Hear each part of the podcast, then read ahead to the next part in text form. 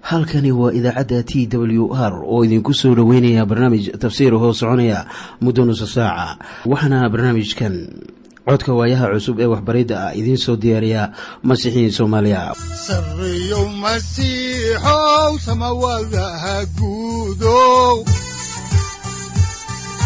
Siraadkii adduunkow subanaha eebow sareyow masiixow samawadaha guudow siraadkii adduunkow subanaha eebow adigoo samaada jiro ifkan soo saldhiganba adigoo samaada jiro ifkan soo saldhiganba kutubtiisanaye sifahaaga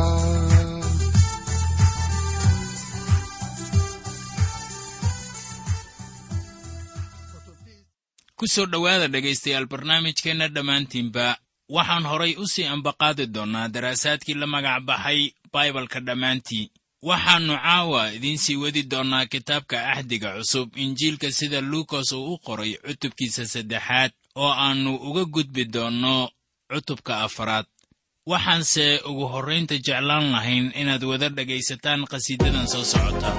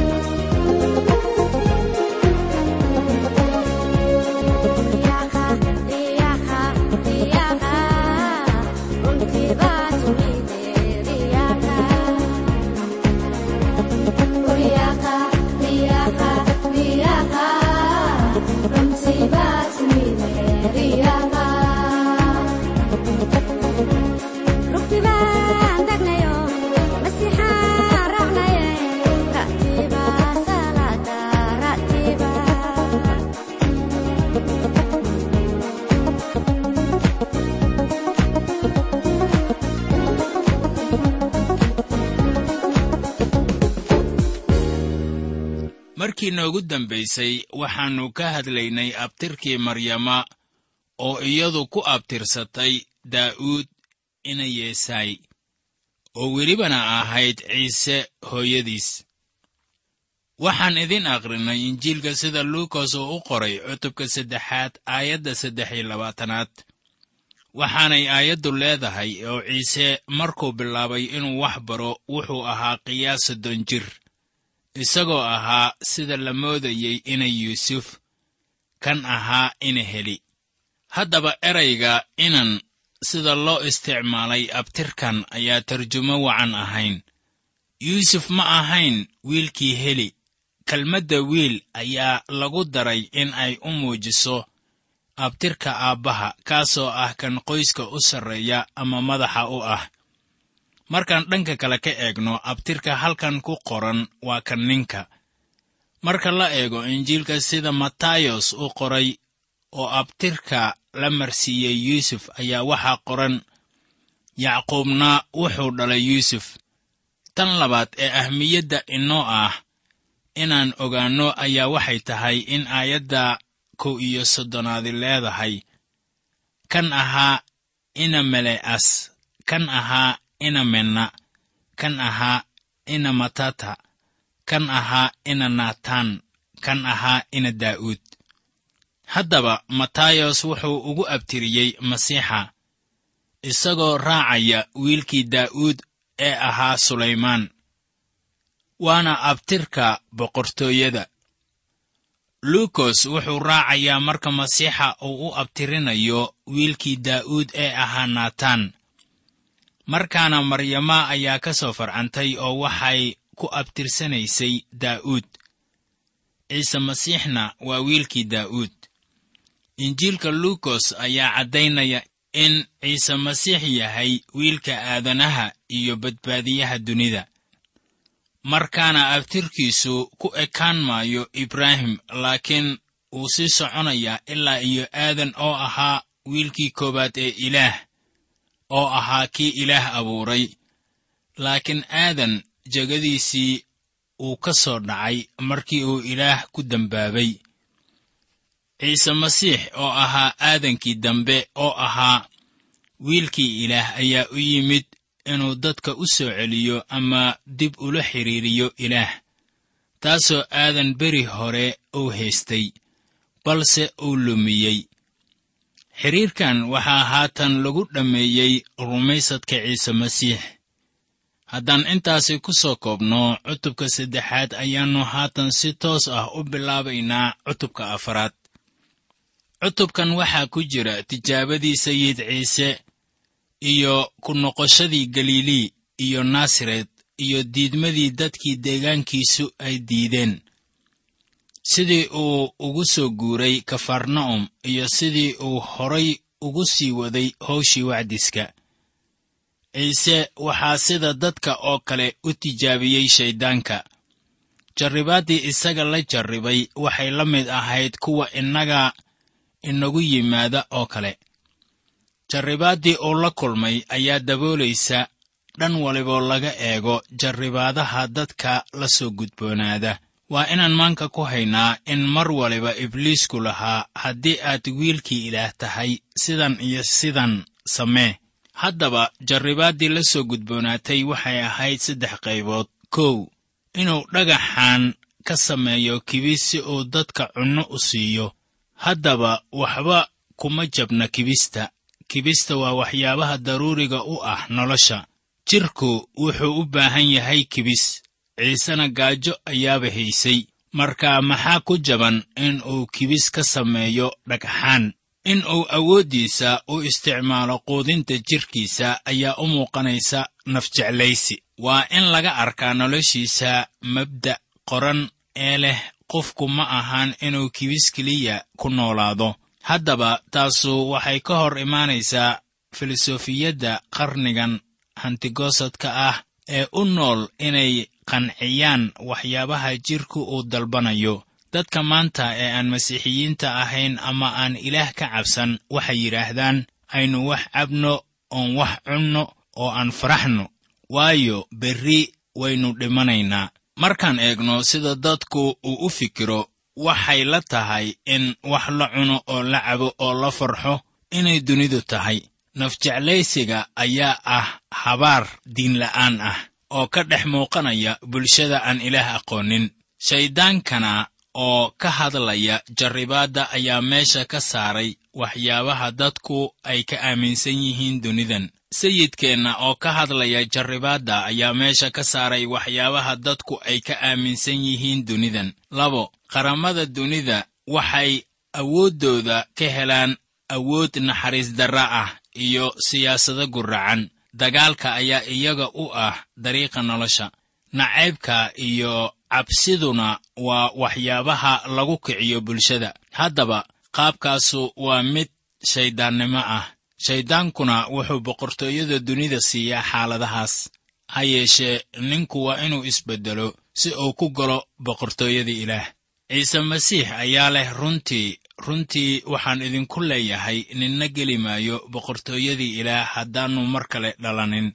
Waxaa qidcadaasu ay ku qoran tahay injiilka sida yooxanaa uu u qoray cutubka saddexaad aayadda saddexaad.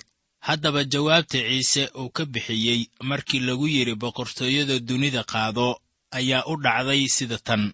Waa inaad caabuddo rabbiga ilaahaaga ah oo isaga oo keliya u adeegtaa dabeetana rasuul bawlos wuxuu inoo sheegayaa sida ku qoran warqaddiisii labaad ee korintos cutubka tobanaad aayadaha saddex ilaa shan. Waxaa qoran sida tan maxaa yeelay inkastoo aannu jidhka ku soconno sida jidhka uma dagaalanno. Waayo hubka dagaalkayagu ma aha xagga jidhka laakiin xoog bay leeyihiin ilaah hortiisa in qalcado lagu dumiyo. Waxaannu baabi'innaa munaaradda iyo wax kasta oo sarreeya oo aqoonta ilaah iska sarraysiiya. Oo fikir kasta maxbuus baannu ka dhignaa si uu masiixa u addeeco.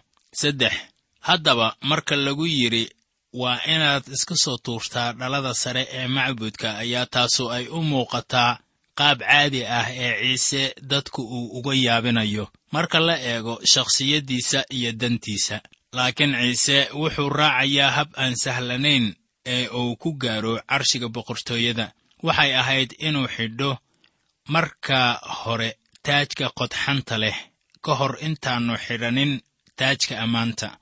Nin qoraa ah ayaa yidhi laba si ayaad ilaah u xumaysaa mid waxa weeye inaad ismoogaysiiso awooddiisa. Tan kalena waxa weeye inaad iska dhigto wax awood leh. Labadaasiba waa dembi. Marka way sahlan tahay inaadan waxba samaynin. Dabeetana aad doonto inaad hesho daryeel. Laakiin ilaah wuxuu leeyahay waxaad wax cuni doontaan wejigiinna oo dhididsan. Haddaba nimanka ilaah u adeega ee aada dalalka kale waxaa qasab ku ah inay bartaan luqadaha dadkaasi ay wacdinayaan dabeetana ilaah baa caawinaya howlaha ay qabanayaan. Waxaynu nahay kuwa ilaah wax la wadaaga laakiin ilaah inagama dhigin gun. Doctor edward judson ka gadaal markii aabbihii dhib ka soo gaaray waddanka barma ayuu yidhi haddii aynu guulaysanno dhibla'aan taasu waxay ka micno tahay in dad kale horteen silceen oo weliba dhiig iyo dhidid ay u soo daadiyeen. Isagoo hadalkiisa sii wata ayaa doctor edward leeyahay haddii aynu dhibtoonno oo aynan guul helin kuwo kale ayaa guulaysanaya innaga dabadeen. Ciise wuxuu diiday fikradaha aan macnaha lahayn ee laga dhigo sida inay rabbaani yihiin. Jawaabtii uu xaalkaasi ka bixiyeyna dhegahay ka kicinayaan qiiq wuxuu leeyahay waa inaadan rabbiga ilaahaaga ah jarribin sidii aad u jarribteen maalintii maasaah. Waxa uu soo xiganayaa markanna sharciga ku noqoshadiisa cutubka lixaad aayadda lix iyo tobanaad. Sida abbaarta ah ciise wuxuu ka bilaabay howshiisii wacdiska magaaladii uu ku dhashay ee naasaret halkaasoo dadku ay diideen oy iska fogeeyeen waxay ahayd sinagoogada halkii uu dadka ku ogeysiiyey in wakhtigaasi la kaamilay waxyigii ku qornaa ahdigii hore kitaabkii ishaaciya cutubka kow iyo lixdanaad aayadaha kow ilaa labo. Haatanna aynu eegno waxaa laga qoray jarribaaddii ciise masiix sida ku qoran injiilka sida luukas uu u qoray cutubka afaraad aayadaha kow ilaa labo. Waxaana qoran sida tan ciise waxaa ka buuxsamay ruuxa quduuska ah oo webi urdun ayuu ka noqday oo ruuxii baa cidlada u kaxeeyey. Afartan maalmood ayaa ibliisku jarribayey maalmahaasna waxba ma cunin. Goortay maalmihii dhammaadeen ayuu gaajooday. Laakiin yooxanaa oo aan lagu tirinin inuu yahay injiilada sida kooban loo qoray ayaa dhacdadan ka tegey waayo isagu wuxuu ciise masiix dadka u barayaa sida inuu yahay wiilka ilaah markaasina wuxuu adkaynayaa rabbaaninimadiisii haddaba injiilada sida kooban loo qoray ayaa waxay diiradda saarayaan bini'aadannimadiisa sayid ciise masiix oo loo jarribay sida dadka oo kale. Injiilka luukas qoray ayaa ciise dadka loo barayaa sida wiilkii aadan. Injiilka sida luukas uu u qoray cutubka saddexaad aayadda siddeed iyo soddonaad ayaa leh kan ahaa ina enos kan ahaa ina seed kan ahaa ina aadan kan ahaa ina ilaah. Haddaba abtirkaasi waxaa lahaa maryamo oo wuxuu galaa masiixa ilaa iyo aadan. Maadaama uu ahaa wiilkii aadan ayaa abtirkiisu gelayaa bilowga qabiilka innaguba aynu ka mid nahay. Waxaa markaasi qisada ay u dhacaysaa maadaama uu ahaa qof bini'aadan ah in isaga loo jarribay dhan waliba sida aynu innaguba nahay iyadoo aynaan dembi gelin. Haddaba waxaa jira cabsi iyo bakdin weyn oo ay lahayd jarribaaddii sayidkeenna. Waxaanay ahayd wax cajiib ah waase inaan qirannaa inaanan sharrixi karaynin. Laakiin haddii aan ku geeyo halka ugu sarraysa ee munaaradda macbudka oo aad hoos u soo eegto waxaan filayaa in halkaasi aynu dersi ka baranayno. Waxaa isaga la joogay ciidamo aan la arkaynin oo wax baabi'iya. Wuxuuna soo qaatay dhibaatada dadka ee dunidan.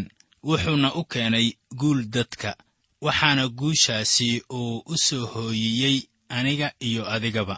Waxaa jira waxyaabo badan oo laysla eegayo oo aynu u baahan nahay inaan maanka ku hayno marka aynu eegayno jarribaadda sayidkeenna. Waxaa laynoo sheegay in laga buuxiyey ruuxa quduuska ah maadaama uu nin ahaa. Wiilka ilaah wuxuu u baahnaa in ruuxa laga buuxiyo si aad jarribaadda uu isaga caabiyo. Saaxib aniga iskama caabiyi karo jarribaadaha dunidan xooggayga waxaa bawlos uu leeyahay sida ku qoran warqaddii reer rooma cutubka toddobaad aayadda kow iyo labaatanaad. Haddee waxaan arkaa qaynuunka in shar ila jiro inkastoo aan doonayo inaan waxa wanaagsan sameeyo miyaadan ogaanin intaasu run tahay. Warqaddii rooma cutubka siddeedaad aayadaha saddex ilaa afar ayuu haddana rasuul bawlos leeyahay. Waayo wax aan sharcigu samayn karayn maxaa yeelay wuu itaal darnaa jidhka aawadiis ayaa ilaah sameeyey isagoo oo wiilkiisa ku soo diraya oo ekaanta jidhka dembiga leh oo u soo diraya dembiga aawadiis. Wuxuuna xukumay dembigii jidhka ku jiray in qaynuunka sharcigu inaga buuxsamo kuweenna aan sida jidhka u socon laakiinse u socda sida ruuxa.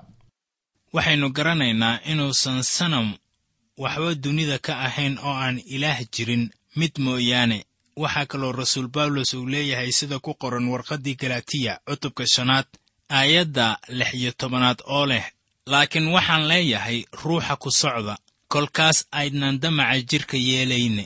Marka ay sidan tahay waxaannu u baahan nahay ruuxa quduuska ah.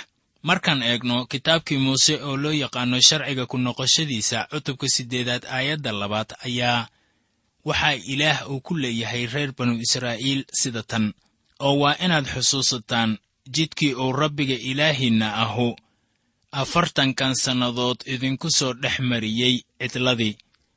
Si uu idin hoosaysiiyo uu idin tijaabiyo si uu u ogaado wixii qalbigiinna ku jiray. Bal inaad amaradiisa xajinaysaan iyo in kale.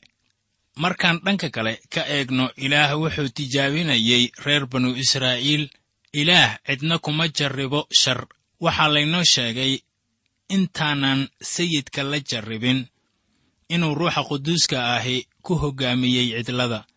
Waxaa markaasi loo jeedaa in sayidku aanu doon doonin jarribaadda ama imtixaanka la soo gudboonaaday.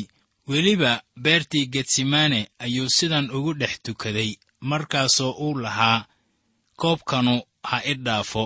Jarribaaddii sayidka ayaan bilaabanin dhammaadka afartankii maalmood. Luukos ayaa inoo sheegaya kadib markii la jarribay inuu gaajeesnaa waxaa jarribayey ibliis afartankii maalmood oo dhan markaana shayddaanku ma uusan joojinin inuu tijaabiyo. Wixii ka dambeeyey jarribaaddii cidlada. Beertii getsemane ayaa ahayd jarribaad kale oo ka timid ibliis aayadda saddex iyo tobanaad ee isla cutubkan ayaa luukosna uu leeyahay. Ibliiskiina markuu jarribaad walba dhammeeyey ayuu ka tegay intii wakhti ah. Wax kale oo aynu u baahan nahay inaan garanno ayaa waxay tahay in shayddaanku u yahay qof. Waxaan fahamsanahay in boqolkiiba sagaashan ay yidhaahdaan ibliisku bashar muuqda ma ahan. Balse qorniinka ayaa caddaynaya in ibliisku uu yahay shakhsi su'aashu waxay tahay markii uu jarribayey sayid ciise ma wuxuu ugu yimid sida bashar muuqda mise wuxuu ugu yimid sida ruux mase wuxuu ahaa sida malaa'igta iftiinka. Baibalka ayaa inoo sheegaya in sayidku uu ula kulmay ibliiska fool ka fool. Waxaan haddaba u baahan nahay inaan aragno in shayddaanku wax dhaqsiyo isku beddela uu yahay marba wuxuu u muuqanayaa sida libaax ciyaya oo doonaya inuu wax liqo. Mar kalena wuxuu kugu imaanayaa sida malaa'igta nuurka oo khiyaaneeya xitaa kuwa la doortay haddii uu doono. Waxaa taasu ay ku qoran tahay warqaddii koowaad ee rasuul butros cutubka shanaad aayadda siddeedaad iyo warqaddii rasuul bawlos uu u qoray dadka korintos waa warqaddii labaade cutubka kow iyo tobanaad aayadda afar iyo tobanaad. Maxaa micno ah oo ay leedahay jarribaaddii sayidka? Haddaba erayga ah jarribaad ayaa leh laba micne. In qof la jarribo waxay ka micno tahay in la duufiyo oo lagu dirqiyo inuu shar falo.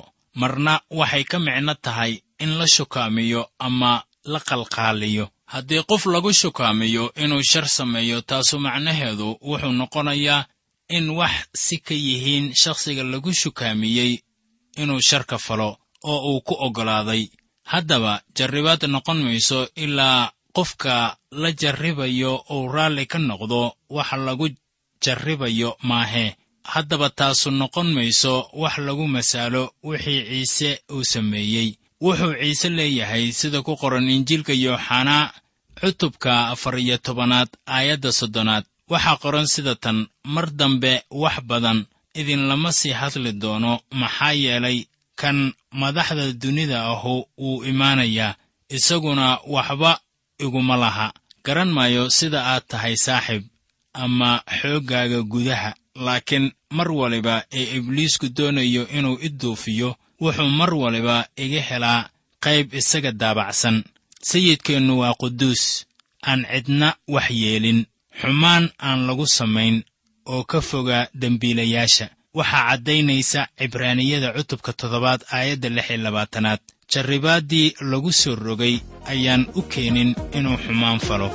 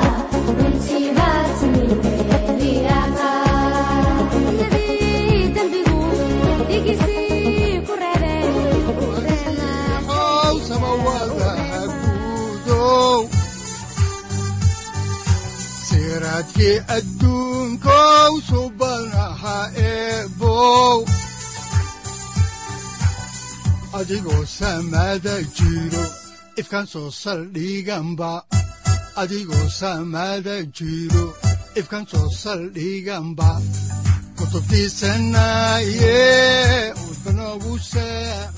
halkani waa t w r idaacadda t w r oo idinku leh ilaa ha idin barakeeyo oo ha idinku anfaco wixii aad caawi ka maqasheen barnaamijka. Waxaa barnaamijkan oo kalea aad ka maqli doontaan habeen dambe. Hadahan oo kale haddiise aad doonaysaan in aad fikirkiina ka dhiibataan wixii aad caawi maqasheen ayaad nagala soo xiriiri kartaan som t w r at t w r c o k e haddii aad doonaysaan in aad dejiisataan oo kaydsataan barnaamijka ama aad mar kale dhegaysataan fadlan mar kale booqo www t w r o r g amase waxaad teleefoonkaaga ku kaydsataa ama ku download garaysataa agabyada ku sahli karaa dhegeysiga t w r haddii aad doonayso in laga kaalmeeyo dhinacyada fahamka kitaabka amase aad u baahan tahay duco fadlan fariimahaaga soo mari bogga aaraahda ama kommentska inana jawaab degdeg ah ayaanu ku soo diri doonaa amase ku siin doonaaye